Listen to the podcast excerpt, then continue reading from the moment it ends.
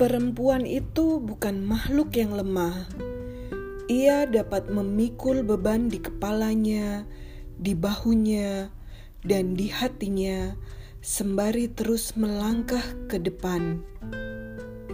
Sejatinya, perempuan adalah ibu kehidupan. thank